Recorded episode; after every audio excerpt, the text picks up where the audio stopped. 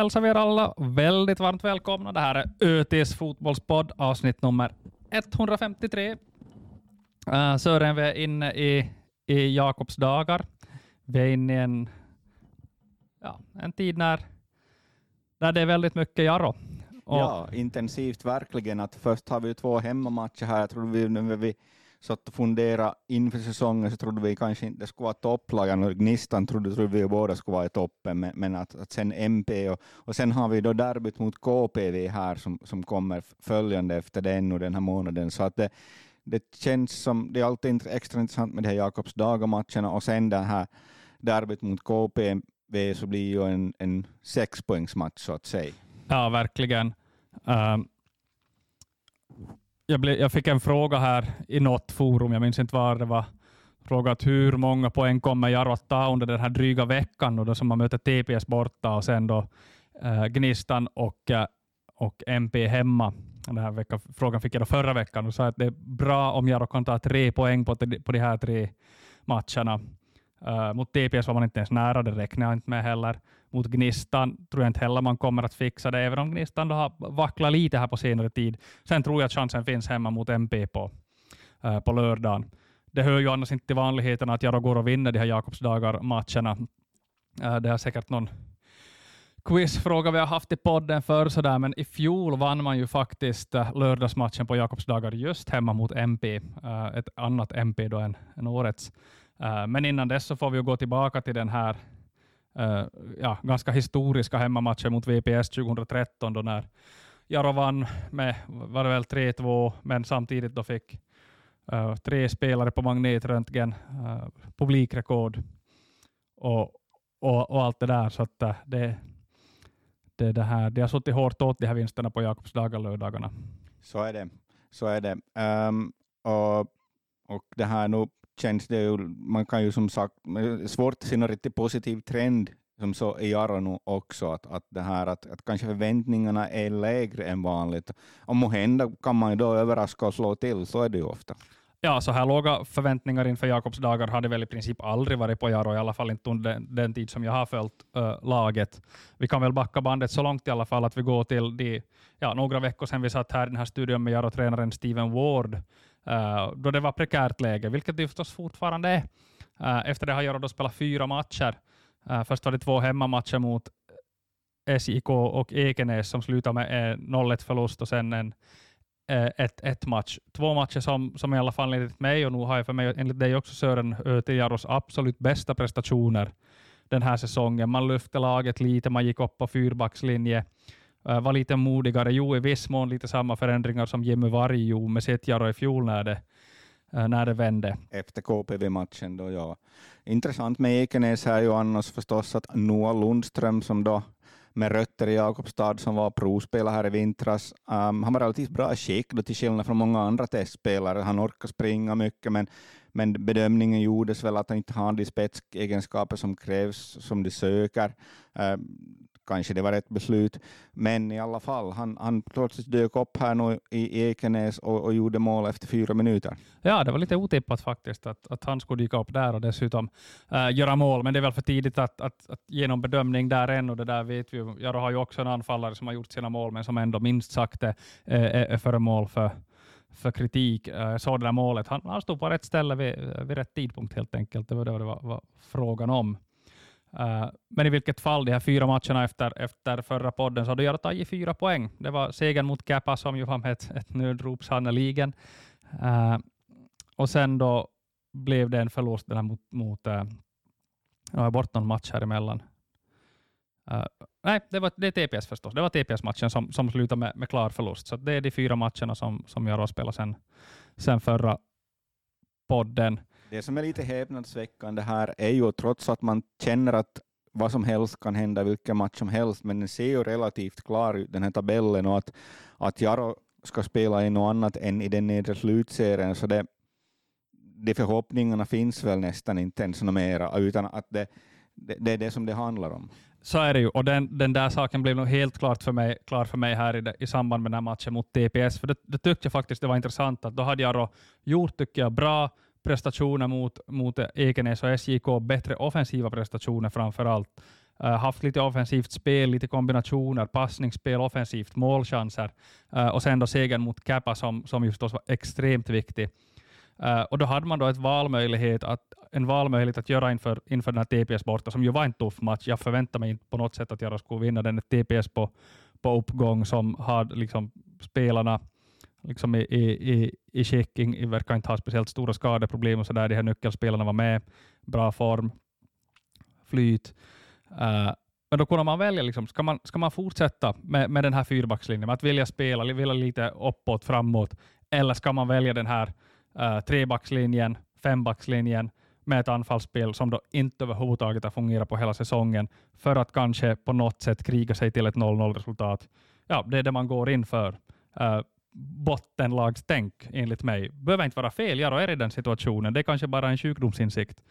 Uh, men uh, sen går det ju alldeles på tok när man släpper in just ett sådant mål som man bara inte kan släppa in med tre mittbackar, där man hamnar på fel sida, där, där liksom på en helt ofarlig boll det är ja, där och då så dör ju den matchen genast. Ja, det syns på något sätt att Sergej Remenko inte spelat stor mittback för den här säsongen egentligen, och det var ju, ja, han, han, Sergej Remenko hör till, kan, kanske varit Jaros bästa spelare hittills, men han kostat ett mål per match ungefär, så så det, ja, det, det säger väl kanske någonting om, om Jaros prestationer överlag. Ja, det var exakt det jag twittrade ut här i samband med TPS-matchen också, att Sergej är Jaros klart bästa spelare den här säsongen, med att han tvingas spela mittback, så kostar laget ganska mycket just nu. Han, han tappar där, han tappar markeringen helt och hållet i den här Ekenäs-matchen. Och det har varit flera liknande situationer. Och, och, och jag menar, det är inte i första hand tycker jag Sergejs fel, utan han, eh, han är ju en mittfältare. Uh, och nu har då Jaro, man har Karim Moses, man har Johan Brunell, man har Alex Ramsey som satt bänk. Uh, så att jag, jag såg väl kanske inte riktigt äh, orsaken till att Sergej Jeremenko skulle spela mittback också mot äh, TPS. Det enda jag egentligen kan äh, se är att man, man vill att köra den här trebackslinjen för att man saknar en riktigt naturlig högerback. Ja, äh, förvisso, men då är ju ändå Myrevik spelar där och äh, om man ofta ser att det spelas högerfotade vänsterbackar, så varför kan man inte ha en vänsterfotad högerback? Alltså naturligt har ju varit det till dra ner Sotelo där i så fall. Ja, den här hanteringen av Sotelo fortsätter ju att förvåna, äh, får man säga. Ja, det, alltså Sotelo har ju inte heller varit bra, det ska vi inte liksom, eh, så är det, men, liksom med sina men det vad han har presterat ändå, ska vi säga, under sin Jaro-karriär, så borde det finnas mer att ta ur där. Ja, det tycker man ju sannoliken. Och, och jag menar, David Carty vet man ju vad, får, vad man får av i det här läget. Och, ja, inte, inte tycker jag att man under, eller under den tid David Carty var på plan, inte kom man åt att använda honom på riktigt en enda gång. Uh, alltså det, fin- det verkar finnas en allt starkare korrelation mellan att Jaros anfallsspel inte alls fungerar och David Carter på plan. Och det såg man ju när man får tillbaka till det här med spelarkartor på plan och anfallsspel som man, vi har sett tecken på att det har blivit bättre, så det fanns inte där med. Nej, man gick helt enkelt tillbaka till de här grunderna som inte överhuvudtaget har fungerat. Uh, man var kanske ute efter 0-0 eller något, något sånt, vad vet jag. Uh, men den där matchplanen, så den dog ju då efter, efter tre minuter och efter det så var det ju ganska smärtsamt att, att se på, på, på den där tillställningen. Uh, ja, de skapar ju väldigt lite tycker ja, jag. Sen är det ju klart att... Inte vad, vad man skapar, man hade väl någon näck av Myrevik i början av andra, man hade en hörna på en hörna var Jeremenko nickat typ fyra meter över eller något sånt. Äh, ja, det, var, det var liksom sådär, ja, det var den där sortens Uh, liksom halva, halva målchanser, men mest kommer ju inte ens till målchanser. Och klart att det ser lite roligt ut, eller roligt är väl kanske fel ord, men det ser lite uh, knepigt ut när, när man kombinerar då till exempel Steven Wards citat efter den där matchen med, med det ena är att, att vi vi, vi, vi var ganska bra i 70 minuter uh, med att vi blev i alla fall inte totalt utspelade. Det låter ju som att, att ribban är lagd på en lite ny nivå. Så är det. Så är det. Och det kanske, som du sa, det väl, kan vara att man har, kom, man har kommit till insikt liksom av vad som krävs, krävs på, på den här nivån. Och, och man inser tydligen nu att, att, att vissa spelare inte håller för den här nivån. Nej, så att, uh, det var ju några år sedan, på tal om den där klassiska VPS-matchen från 2013, när Jaro kansliet körde lite skämt med VPS med panikknappen, panikknapp och nu tycker jag kanske det börjar vara dags att för, för Jaro att lite kika på den där panikknappen. Uh, har snittar under en poäng per match. Jag tror inte att det kommer att uh, räcka. Uh, jag tror ju att, att KPV ser ut att ha det ruskigt tungt. De kommer att få, få det svårt. De är en bra bit efter redan. JJK känns också riktigt, riktigt tunna, även om de lyckades besegra Jaro på hemmaplan. Uh, medan då Kappa tycker jag ser ut att ha något intressant på gång. De var ju snubblande nära att få krysset mot Jaro. De var snubblande nära att slå SJK Akatemia hemma här senast. Man har förstärkt med en riktig målskytt i form av Konsta Ylihietanen. Östein, Christian, väl? Äh, Christian, ursäkta, Christian Ylihietanen. Uh, Östein mål i tvåan i fjol. Fick chansen med Haka, fixade inte riktigt där, kom tillbaka då och spelade en halvlek, alltså 45 minuter, två mål och uh, millimeter från att göra 3-2 på tilläggstid. Så att äh, han kunde mycket väl ha gjort hattrick i sin första halvlek för Kapao och den där sortens injektion, den riktiga målskytten som kommer in här för sen sommaren, hösten, äh, sånt brukar betyda poäng i tabellen. Så är det. Då. Däremot så, minst, minst, inte minst mot Jara, då, att de verkar ha målvaktsproblem i Capat, men äh, det är ju bara en spelare, det kan säkert fixas om, om, om man vill fixa det. Äh, målvaktsproblem och överlag defensiva problem, det, det läcker ju väldigt mycket där. Äh, men sen det, får man väl se då vad Kappa hittar på. Det, det, finns ju en sån enorm mängd spelare i den där delen av, av landet, så att uh, då har ju Kappa förstås en tydlig strategi att man vill satsa på unga spelare i första hand, men, men ponera att man, man plockar in en halvetablerad mittback som lite kommer och, och, och, löser en del av de där försvarsproblemen, då är Kappa plötsligt en, ett betydligt starkare kraft än, än Jaro, känns det som här på, här på, på slutet. Så att, äh, ja, det brukar ju ofta vara någon lag, bottenlag som får en positiv trend här på hösten och plötsligt börjar ta poäng. Det kan vara till exempel Kappa då, liksom. så att Jaro, klart att Jaro måste samla mycket poäng här i den här nedre slutserien som vi troligen har att vänta, så, så blir det ju som ja, igen sexpoängsmatcher. Liksom. Man, man, man krigar ju om, om, om, om platserna där kring strecket. Så att, äh. Ja, och man får väl från och med nu börja se det som att det är framför allt de här matcherna mot JIK, mot KPV, Kappa har man mött två gånger än, äh, Salpa och Japs kanske i viss mån, som, som jag faktiskt måste vinna. Och det är klart att alla vinster ger tre poäng, men de här bottenmatcherna kommer att bli så oerhört viktiga här. Framförallt inte få förlora. Exakt, ja. Det, det är väl kanske det som är som är, som är nyckeln. Så nu kan man väl säga att Jaro har två, inte nu bonusmatcher, men i alla fall man har två matcher. Man har ju dessutom en hängmatch jämfört med de flesta, just på grund av den här Jakobsdagar. Så nu har man ju chansen här då under den här veckan att överraska för en gångs skull och faktiskt ta uh, oväntade poäng och kanske få lite andrum i tabellen. Uh, och Det är ju en sak som, som vi behöver fundera lite på här, ska vi göra också, hur, hur vi tror det kommer att se ut den här veckan. Men när vi nu är in på Capas förstärkningar här, eller Capas förstärkning, ska vi säga, så hänger det ju också en del på vad gör Jaro i, i det här sommarfönstret för att uh, förstärka, uh, för att se till att det inte blir total panik här mot hösten. Jag har sett att man har sagt rakt ut i sin egen tidning att man ska ha in två spelare och en anfallare verkar det ju helt klart i varje fall att det ska bli. Uh, vad tror och, och här vet vi, här har du själv skrivit Sören att Alvarado Morin är här på lite besök, testa med Jarro, vi får väl se vad det leder till. Men, uh, jag har faktiskt hört, hört uppgifter nu inofficiellt, allra högsta grad inofficiellt, men i alla fall att han skulle vara uh, åtminstone aktuell för Haka, vilket då är aningen överraskande. Han om jag minns rätt, Morin aldrig spelat i ligan, 34-35 år. Har inte varit imponerande direkt, tycker jag här överlag. Att han, det, det säger, skvallrar väl någonting om Hakas problem i så fall. Jag tycker att han är lite underskattad anfallare, Morin. Jag tyckte att han var ganska bra i år. Han hade ett ganska bra målsnitt. Han hade sen ett ganska bra målsnitt i AC Oulu. Sen var han, ju en, han var ju en enkel och tydlig fotbollsspelare.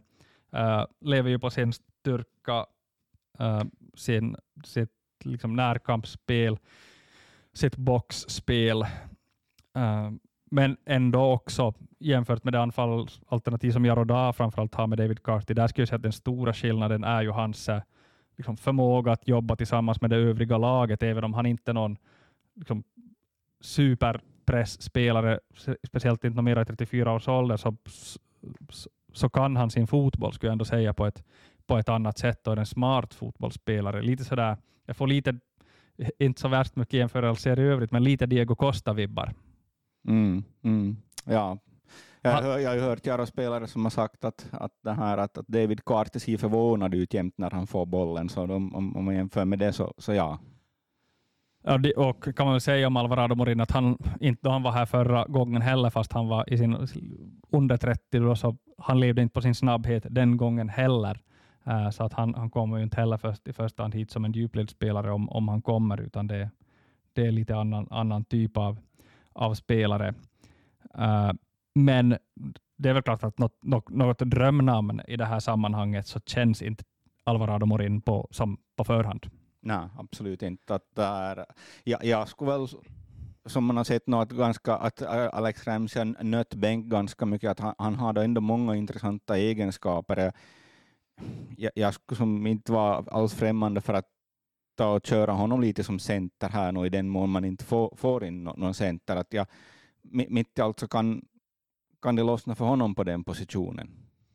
Ja, vi får väl se lite vad som händer i Jara-truppen, men två spelare har man sagt i alla fall att man ska ha in och då får man väl lita på att det blir det. En anfallare blir det garanterat. Jag skulle inte förvåna om det skulle bli ytterligare en, en offensiv spelare. Mittbackar känns det som man har, vänsterbackar har man, uh, högerback där har man behov ah, eftersom mm. Bjornbäck hamnar inför det här ja. brandmannaskolningen här snart om en dryg månad igen, så då, då vet jag inte uh, hur mycket man kan räkna med Bjornbäck. Nej, det är klart att högerbacksplatsen där, där undrar jag fortsättningsvis vad som har hänt med Jami Kyöstila, som jag inte tror att har i alla fall inte spelat på någon högre nivå den här säsongen. Nej, är han tillbaka jag, till Vastehus eller? Jag tror det, och jag, vad jag förstått så han inte spelat, jag vet han inte spelat någonstans. Lite märk, märklig historia, kom hit och var så jättebra förra, förra hösten och sen bara försvann. Vi får väl se. Uh, men den här veckan som kommer då Sören, två matcher. Gnistan först som, som du har släppt in en hel del mål och vacklat lite här på, på slutet. Uh, hur pass bra koll har du på Gnistan? Ja, jag var, försöker faktiskt ringa Tony Takamäki här tidigare idag. Han ringde just tillbaka här men just har slå, slatt på podden, så jag är kanske inte så informerad som jag skulle vilja vara om Gnista, men de har ju en imponerande spelförteckning. De och TPS har ju, har, har ju absolut de bästa namnen på listan så, eh, och har mycket alternativ, så fast de har, har enskilda skador och så där, så, så eh, ja, det, det är ju som solklara favoriter när de kommer hit. Ja, det är de nog i, i, min bok också. Minns jag rätt så har jag till och med tippat Gnistan som, som tabelletta i mitt, i mitt tips. Ser bra ut just nu då. MP åkte på, på torsk här senast 2-0. MP som är ja, den, den största överpresteraren vi har haft i division 1 ska jag säga under uh, det år som vi har följt serien här nu i samband med att Jaro har, har spelat i den. Något liknande tycker jag inte att vi har sett. Nej, absolut. Det, det kan ju vara då att, att det, det håller på att vända nu för, för MP. Att jag såg faktiskt på den här tippningen vi hade inför säsongen som jag hade så, så väl fallit rätt bra ut, förutom MP då, som jag hade som 11. Ja, och det är ju inte direkt så att du och jag skiljer ur med våra tips att ha MP lågt ner, utan det var ju i princip alla hade MP på, på nedflyttningsplats eller strax över man hade ett ganska man hade ett tufft år i fjol och det kändes som att man var svagare i år äh, än, än i fjol på pappret. Men äh, på något sätt har man bara fått ihop det där och vunnit sina matcher. Äh, men ska man säga några positiva saker, vi, det, vi, det kommer ett och annat negativt här, så vi ska säga lite positivt kring Jaro här nu. Då. Så är det någon gång man ska möta Gnistan MP hemma här under en vecka, så tror jag att det är just nu man ska göra det. Båda känns som att formtoppen kan ha varit, kan ha liksom tona ut för den här gången. Ja, och Gnistan som vi har varit in tidigare inom året är den här typen av lag som har den här typen av spelare som, som kanske då det, sommaren kommer och det blir terrassäsongen öppnas så att säga, så prioriterar man kanske inte en, en, en resa till Jakobstad, till en byhåla i, i, i Österbotten. Kan, kan så vara, även om det känns som att, att Gnistan på något sätt till den här säsongen har steppat upp liksom in, inte bara med att man har skaffat liksom ännu fler etablerade spelare, utan man, man, man på något sätt har gått in för det organisationsmässigt också, att, att, eh, att bli ännu skarpare, ännu, ännu vassare. Så, så just den där, när, när det gäller den, den där liksom faktorn som vi har pratat om tidigare i år, så är jag inte lika förhoppningsfull kanske som, som du är. Uh, men man så, måste greppa efter det som finns, att, ma, det, som, det som man alls kan tänka sig i det här skedet. Ja, så, så, är det ju. Uh, det andra positiva man kan säga om, om Jaros möjligheter att plocka lite poäng i det här skedet, och då tittar jag också lite längre fram, det är ju nog att, Uh, de kommande fem matcherna så spelar Jaro fyra på hemmaplan och då är det en bortamatch och den spelar man i Karleby. Så att uh, det blir inga, inga, det här, inga längre resor på det sättet som, som tar kraft. Uh, och Jaro har ju ett hyfsat hemmafacit ändå. Man plockar 1,5 poäng per match hemma, det är 0,5 poäng borta. Uh, och plus då att man också möter KPV som ett lag som man ska kunna, kunna slå då till och med på bortaplan. Så, så känns det ju som att, att kanske kan Jaro i, här, i den här skedet av säsongen då börja, börja samla lite mer poäng, få upp poängsnittet lite. Uh, och sen det tredje som jag ännu tänker trycka på här, så det är ju faktiskt då de här skadade spelarna. Framförallt lyfter jag upp då Severi Kähkönen här, börjar närma sig en comeback och att få honom i någon typ av form känns nog som att det skulle vara så oerhört viktigt för, för Jaro. Ja, Severi Kähkönen är en spelare som kan avgöra matcher på egen hand bara för att han är Severi Kähkönen. Ja, han kan avgöra. Han kan också ge laget ett helt annat lugn, tycker jag. Och bara liksom tänka tanken att Jaro skulle kunna ha ett mittfält med uh, Sergej Jeremenko och Severi Kähkönen. Att, att det, det borde kunna ge laget lite lugn. Man borde kunna hålla lite boll. Uh, och allt det där. Sen förstås också att Alvin Björk skulle komma tillbaka, det är positivt. Sen ska man komma tillbaka ihåg att han har varit borta väldigt länge, lever väldigt mycket på sin snabbhet, så jag tror man ska vara försiktig med att ha allt för stora förväntningar på, uh, på Albins comeback. Han behöver nog en, en, en, en rejäl liksom, tid att vara, få vara 100 procent innan, innan han hittar sin explosivitet och snabbhet till 100 procent igen. Ja, han är ju inte alls lika etablerad heller som, som Severi Kähkönen på den här nivån. Nej, det är han ju inte, men han hade ju också ett jättebra målsnitt i fjol. Uh, kom ju förstås ofta in i bra lägen då med, med, med sin kontringsfotboll och sådär. Men, så, så ja, det finns ändå, allt är inte nattsvart för, för Jaro. Det finns lite positiva grejer att trycka på här inför Jakobs dagar. Och som du var in på Sören här, det finns inte speciellt stora förväntningar nu, framförallt på de två Jakobsdagar-matcherna här. Att kan man gräva fram en seger uh, så är det bra. Kan man ta fyra poäng så är det snudd på succé. Men ska vi säga att skulle det bli en riktigt skarp nedflyttningsstrid längre mot hösten, vi pratar om Kappa, om de till exempel ponerar att Kappa får en positiv trend, de har inte speciellt stora förväntningar, de kan leva med att de blir degraderade, det är en utpräglad fostraförening. Däremot Jaro i den här nedre slutserien är ju så det, här, det här så kallade storlaget som har ändå en helt annan självbild, har helt andra förväntningar på sig själv, andra förväntningar i omgivningen. Det kan bli riktigt rejält nervdaller här om man hamnar faktiskt i den här streckstriden. Ja, verkligen. Vi har ju upplevt några av de här streckstriderna. De var ju i ligan och där hörde på något sätt ändå till deras självbild att man kunde vara med i en streckstrid i ligan, men en streckstrid i ettan, negativ streckstrid i ettan, det hörs att, som du är in på, det, det kan vara svårhanterligt för, för liksom Jarro-communityn, det, det, tror jag verkligen också. Så att det blir Uh, den, den grejen vill Jakobstad nog helt enkelt inte uppleva här i höst, under höstmörkret. Det är jobbigt med höstmörkret som det är. Uh, det om det. Uh, finns det några kortisar vi behöver dra till med här? Eh, Eh, det var, du nämnde den här Noah Lundström-grejen. Annat då lokal väg såg jag att Simon Skrabb var hypernära att dra in 2-2 mot Hammarby här igår. Eh, på, eller på, ja, på måndag kan man säga. För vi, nej, på söndag. Vi spelar in måndag eftermiddag, sen eftermiddag, tidig kväll. Eh, I övrigt har det inte varit så där jättemycket på lokalfronten. Petteri Forsells Inter går tungt. Jag såg honom i Åbo här nyligen. VPS hade vänt förra, det är ju ett lag som jag de har spelat tycker jag bra hela säsongen, inte fått poängen med sig, men nu har det vänt uh, för dem, till skillnad från för till exempel KPV som det ser faktiskt natt, nattmörkt ut. Ja, verkligen. Uh, vi har faktiskt här uh, lyssnat på en podd då jag i Kunne Nyckeln heter den, det går genom division 1, det finns inte så många division 1-poddar i Finland, men, men det här uh, vi tänkte att vi ska ta efterapa deras koncept lite. Vi har valt en spelare från varje lag plus en tränare. Då får vi ihop till till 12, vilket är antalet lag. Och det, här, det här var lite knepigt. Ja, det blev en liten uh, division 1-11 här. Jag vet inte vad, man kan väl kanske inte kalla den för All-star 11 riktigt, men uh, man har ju fått, man, man, man har fått vara och fiska i lite mörka vatten ibland, och lite okända vatten ska vi väl säga, när man ska hitta en Spelare i Salpa högerback här och en vänsterback där. Så att, uh, men ganska rolig övning tycker jag. Sen har jag nog haft vissa kriterier, kan väl jag säga i alla fall, att det, jag, jag försöker få en, en, en hyfsat balanserad elva. Det är klart man skulle kunna köra någon hyperoffensiv 3-4-3-grej. Uh, Men jag har nog gått in för en 4-3-3 med ett hyfsat balanserat mittfält uh, och, och sådär.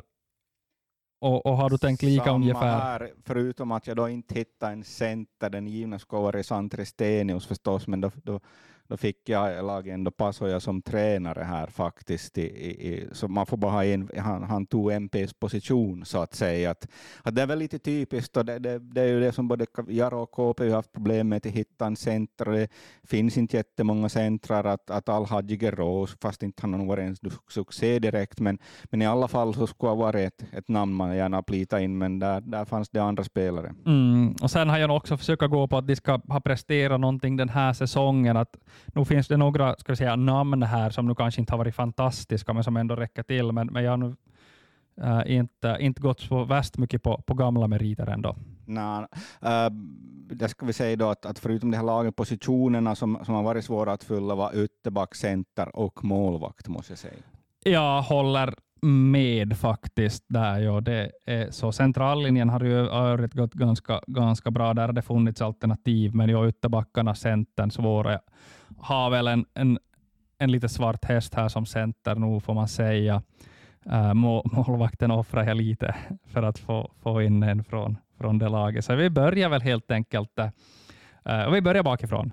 Uh, jag, jag har... börjar med tränaren, så kanske du tar din tränare då. Ja, men vi kör på det. Ja, jag hade ju hoppats jag då från MP, som, som trots allt vi hade lite begrava här inför säsongen, men Chi fick vi. Absolut, jag går på exakt samma linje där. Jag var också in på ett par spelare från MP. Inte just Stenius, men äh, mittbacken Vehkonen som, äh, som har varit bra var jag, var jag lite intresserad av. Men, men det, var, det är omöjligt att för, förbise Pasoja här. Årets tränare i Finland är beredd att säga redan nu. Äh, given på den här bänken. Då går vi vidare till, till målvaktssidan och äh, där då blir det, plockar jag JIKs Ville Viljala. Ja, då har jag lagt Jirikoski från Gnistan. Att, att det här är att, att skulle inte Emil Öberg ha skadat sig så tyckte jag att han börjar på ett sätt så att han ska kunna vara med, med här, för det finns som inte givna riktigt bra målvakter ettan som jag kan se som att ja, han måste vara där.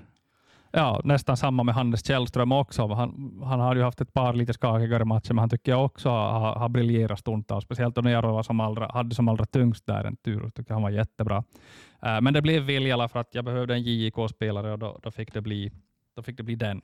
Så tyvärr Toni Takamäki, du strittar på grund av målvaktsdilemmat här. Just det, så ingen Takamäki i Sörens elva kan jag väl avslöja då nu att han ryms inte heller i min elva. Uh, istället får Sören säga sin högerback. Ja, där, där är jag lagt då. Uh, en spelare som, som sliter lite i, i det dolda och, och kanske inte men han gör alltid sitt jobb tycker jag. Karl Koringa i KPV, han har ju spelat med en vristskada hela tiden, men ändå en av de här som presterar hela tiden. Jag säger inte att han har varit bästa spelaren i KPV, klart att Sebastian Manström, men där, där var det för mycket konkurrens på mittfältet. Klart det är Mika Kauppila, som heller inte haft en toppsäsong, men ändå är viktig för KPV. Men, så det fick bli Karl Koringa från KPV. Ja, intressant val. Jag var in och fingrade lite på Koringa, men bli, det, jag fastnade faktiskt till slut på, på Salpas Joel Meura, äh, som, som jag tycker också är en, en duktig back. Jag ska inte gå här och säga att jag ser Joel Meura vecka ut och vecka in, men äh, man ser ju Salpa lite då och då. Han spelar alltid, han känns stabil, äh, han har offensiva kvaliteter. så att, ja, det, för att få in Salpa här så, så gick jag på, på honom. Ja, för att få in Salpa så lagar jag in då Michael John, den här mittbacken som, som man då lägger märke till. Han blev ju felaktigt utvisad här en match och, och det har gjort något mål och, och det här, ja, så han, han fick bli min, min, min salpaspelare. Jag hade först fingret det här på Tatu Österlund för att få den här målvaktspositionen, men, men jag, jag, blev Michael John till sist som, som tar mittbacken. Där. Ja, vi växlar lag här då bara. Jag, jag har KPV på den här positionen där jag lägger in Harris Chantzopoulos. Uh, eh, inte heller en lika bra säsong för Chantzopoulos i år som i fjol då han var bra. Han har ju varit flera bra år i KPV. Eh, begränsad mittback, men ändå väldigt viktig för KPV med sin styrspelet, ledaregenskaper, eh, stor och stark, har också offensiva kvaliteter och ja, viktig för KPV. Eh, så han, han får helt enkelt ta en mittbacksplats i det här laget. Ja, andra mittbacken lägger jag in då Paulus Arajuri, ju trots allt en som alldeles nyligen för ett par år sedan var landslagskapten och haft en, en ändå viktig roll i landslaget. Han är, hans karriär är ju dalat förvånansvärt snabbt. Eh, alltid varit långsam förstås och ännu mer långsam nu, men trots allt eh, ja, spelar, ändå rätt, spelar ändå rätt mycket matcher och, och jag tycker ett namn man inte kan förbise i det här sammanhanget. Håller med. Jag har Paulus Arajuri också med, med där. Eh, jag var också väldigt intresserad av TPS mittback Samba Benga som ju kom in, han fick ha passproblem länge och det såg nästan ut att det inte skulle bli något lir för honom i TPS. Men sen dök han upp och efter det så har TPS vänt på, på den här säsongen. Man har väl nästan bara vunnit sen, sen Benga kom tillbaka i den där backlinjen. Uh, och han, han skulle definitivt platsa, men uh, jag fick prioritera lite annorlunda. Så att, uh, det blev Arajuri. Och en annan spelare vars karriär visar, trenden visar neråt, så som ändå ryms i det här laget. Det är igen svårt att få hitta ytterbackar, det är svårt att hitta spelare från vissa lag, men jag väljer nu Juri Kinnunen som man ändå känner igen som vänsterback, så, så han får gå in som vänsterback då från Kappa. Mm, här måste jag säga att jag var, jag var och kikade på Kinnunen. Han, han går bort för mig i det här laget. Han har varit med hela säsongen, men spelar inte speciellt mycket. Han är lite på inhopparsidan där. Eh, uh, istället valde faktiskt Babakar Fati i, i SJK. Uh, eh, som de gånger jag har sett SJK tycker jag han har varit, varit bra. Um, spelar faktiskt mycket med ligalaget i, i fjol, men han har fått vara med akademin i år och jag tycker att han, han skiljer ut lite i, i SJK, så att jag, jag går på, på SJK där på vänsterbacken. På något sätt så har jag på känna att vi har ganska liknande mittfält. Uh, min balanserande mittfältare så är Adu i Ekenäs, som jag tyckte imponerade när Ekenäs var här. Ja, samma här. Ja, att, eh, och han, han är också spelat rätt mycket med minns rätt. Och, och så du behöver balans om du spelar ett lag och 4-3-3. Om du ser på resten av mittfältet så har jag då som Jaros tycker ändå genomgående bästa spelare på mittfältet. Jag har lagt Sergej Jeremenko. Uh, så att du har, du har kanske två bottenspelare varav kanske Adue är, är mera sexa och kanske Jeremenko lite mera åtta. Uh, men, men, men i alla fall, det, det, det är två där på mittfältet så, så det här borde fungera bra. Ska jag säga. Ja, jag plitar ner de båda faktiskt väldigt, väldigt tidigt. Jag har också Jeremenko där. Han känns ju som, i, i och med att man följer Jaro mest, så blir det ju så att man det är där på något sätt man är mest noggrann och med, med uteslutningsmetoden i Jaro så, så landar man ju i att det, det går i princip inte att plocka någon annan än Sergej Jeremenko. Nej. Det skulle vara, det skulle vara, kändes dumt att kanske lägga Öberg som har spelat ändå ett väldigt få matcher, eller Hannes Källström, där, där, där har det varit mycket förändringar. Eh, sen tycker jag på samma sätt att man TPS så måste man nästan lägga Kasper Hämäläinen, han verkar så viktig för det här laget, och han är väl inte någon ytter något mer, så jag lägger honom som offensiv mittfältare. Ja, jag har exakt likadant. Jag hade på känna att vi skulle tänka lika här. Adu, Jeremenko, Kasper Hämäläinen, det är ju ett äh, meriterat äh, mittfält och vad jag sett, både Adu och Kasper Hämäläinen har imponerat på mig den här säsongen. Uh, sen är jag också 100% säker på att vi har samma högerytter. Ja, jag, jag, jag, har ett tremannanfall precis som då vi har 4-3-T, vi har utan att komma överens tänkt på samma sätt. Jag har ju haft svårt att hitta en utpräglad center, så jag har väl egentligen inte en utpräglad center. Uh, du var in på det här med vänsterbacken med det här Fatih från SJK Akademi. Jag satt länge och fingrade på olika spelare där, men jag tyckte speciellt när han var här i Jakobstad och annars tycker jag den här Oliver Gunnes har varit så pass bra, så jag ville ha in honom från SJK. Det är klart man kunde ha tagit någon, någon spelare som, som i princip spelar mest med, mest med, med, med det här. Eh, Wesley Junior till exempel skulle man kunna lagt in, men han är ju egentligen med ligalaget nu. Ja, nu ja. Han, han, han, han tycker ändå ska ha plats här. Han har spelat så pass mycket med division 1-laget. Han, han kom verkligen som en akademispelare och har då liksom tagit steget under den här säsongen, så att jag tycker Wesslen ska ha gått på det viset. Jag, jag var också inne och kollade kolla på honom. Uh, ja, Okej, okay, jag har inte Gynes faktiskt.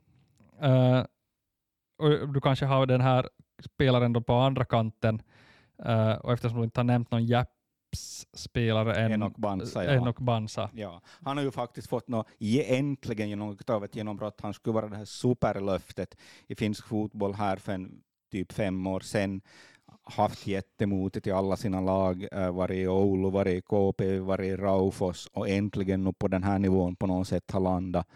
Eh, en annan spelare som var ett superlöfte, Omed Malolo, som spelar i HIFK. Så det visar ju igen att de här som ännu som i, i, i inträdet till seniorfotbollen beskrivs som som, som väldigt stora löften. Maximo Tolonen är en annan. Så de, de lirar i division 1 nu. Ja, så är det. Enok Bansa med stor framgång den här säsongen. Uh, så jag har Bansa på den där kanten, du har Gynes, uh, eh, du har Bansa på andra kanten. Där har jag då placerat Momodou Sarr, uh, Gnistan, som ju spelar ibland center, ibland ytter. Jag har lagt honom som, som ytter här i, i, i mitt lag. Jag tycker att han är ja, kanske den bästa division 1-anfallaren, offensiva spelaren på ett sätt. Mångsnabb, bra med boll, målfarlig, uh, alltså lurig, ta sig förbi en mot en. Framförallt väldigt löpstark. Att han är ju, jag minns Christian Sund gillade ju honom, han körde ju fram honom då han var i VPS, kom tog från akademilaget då och det här ja, väldigt löpstark. Hade väl lite svårt tror jag att, att vara ordinarie från början av säsongen, men har, har ju kommit, kommit in mer och mer. Uh, så onekligen en, en, en intressant och bra spelare, men igen en spelare ska säga som inte ändå lyckas etablera sig med Ilve, så det visar igen på något sätt att den här nivåskillnaden mellan ligan och ettan, det känns som om det håller på att växa ja. år för år. Ja, den är ju den är stor den, den skillnaden, så är det. Sarko... Yli Hietanen som kom in och gjorde mål direkt och inte alls lyckades haka som ett bottenlag. Mm. Men det är intressant, här Sarva väl, var ju, minns inte varifrån han kom, kom från Asiolo kanske till, till Gnistan förra säsongen. Det var ju bra då redan på hösten när han kom för, i fjol. Han kom uh, från Ilves. Ilva, det kom från Ilves, ja. ja och han kom ju då när, när Gnistan skickade Lukas Morais till, till AC Oulu, som då igen lyckades lite otippat ganska bra i AC Oulu. Så att är du, kommer du bara rätt så kan du komma från en bra miljö i ettan och, och klara dig i ligan också. Uh, så det, de, de exemplen finns. Men Bansa och Sar på mina kanter. Uh, och sen gå, frångår jag eh, hela konceptet och allting uh, på centerplatsen uh, och lägger in en spelare som jag tror blir avgörande för den här hösten och som jag, eftersom jag råkar se honom i, här, här i helgen och det är då Christian Yli Hietanen som blir min, min center. 45 minuter, två mål och en hårsmån från ett hattrick med hans historia i kappa så lägger jag in honom här och så säger jag lycka till med centerjakten Pekka Kultanen. Ja, det här, vilket lag har jag kvar Björn? Du har kvar, får jag det inte på rak arm här, du har väl också kvar Kappa? Nej, jag drog ju med Juri Kinnunen. Jag har ju ja. faktiskt kvar JK. Du har JK, då kör Saastamoinen. Jag hade tänkt köra Saastamoinen och det skulle jag egentligen borde göra för att få mera in en, en, en centertyp än vad jag har, men det är ändå en spelare som jag gillar mycket i SJK Akademia-tiden. Så egentligen så har jag ingen center, men jag får väldigt få lag i, i division 1 som har en center, så jag tänkte det får vara okej okay, att, inte, att inte jag heller har någon center. Jag har tre anfallare. Eh, det är Oskar Pihlaja som får vara min Jim Myrevik. Ja, det är den falska nian som, som du kör där. Ja, jag är förvånad. Jag, jag, var, jag, var länge, jag, jag var länge och funderade faktiskt på Robin Saastamoinen. Jag har alltid tyckt om honom. Uh, har ju också gjort en hel del mål den här säsongen. Nu har han varit skadad, så det, det kanske på något sätt föll där att han har väl ännu fyra, fem matcher som han inte alls har spelat.